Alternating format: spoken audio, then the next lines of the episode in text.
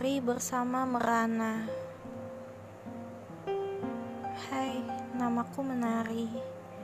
Aku tinggal bersama saudara kembarku Namanya Merana. Meski karakter kami berdua sangat berbeda Hal itu tidak serta-merta membuat kami saling terpisah. Justru kami saling melengkapi di setiap hari-hari kami. Orang-orang memanggil kami menari bersama Merana.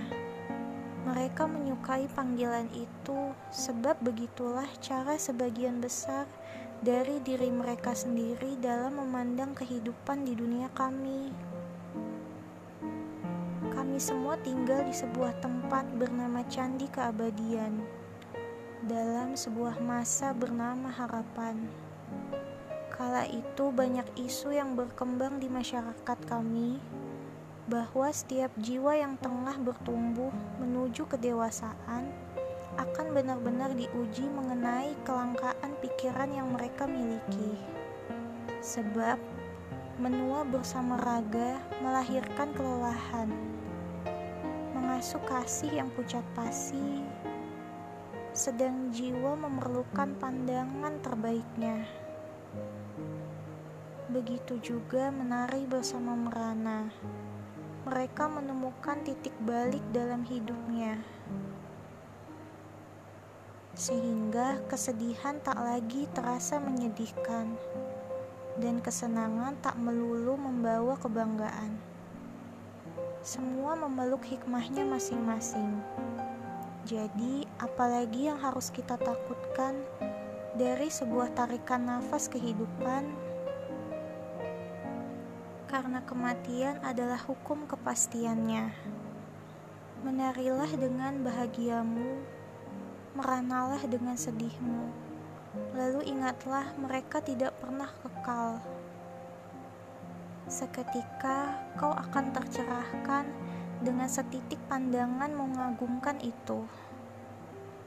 Menarilah bersama merana di tempat di mana kau menemukan diri sejatimu berada.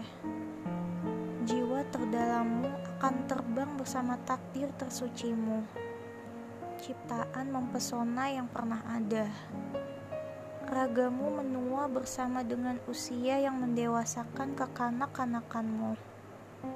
Lalu menyatu kembali dengan dunia fana yang penuh rasa sakit dengan keabadian yang menyambutmu perlahan ketika kau ingin kembali ke peradabanmu. Teruslah dan tetaplah menari bersama merana yang kau hayati di sebagian besar kehidupanmu yang utuh karena peluh yang seluruhnya jatuh.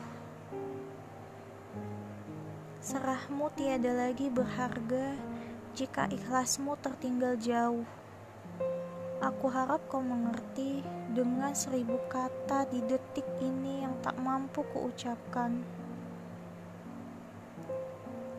Menarilah bersamaku, merana yang kau cintai. Lelahmu bersandar pada tidurku, lelap sekali. Tak sampai hati aku membangunkanmu. Tega pun tak dapat kulakukan. Sekali lagi, karena aku mencintai hidup yang mempertemukan aku denganmu, dan Tuhan yang merestui dan membiarkan semua hal ini terjadi tanpa sedikit pun halangan yang ikut campur tangan.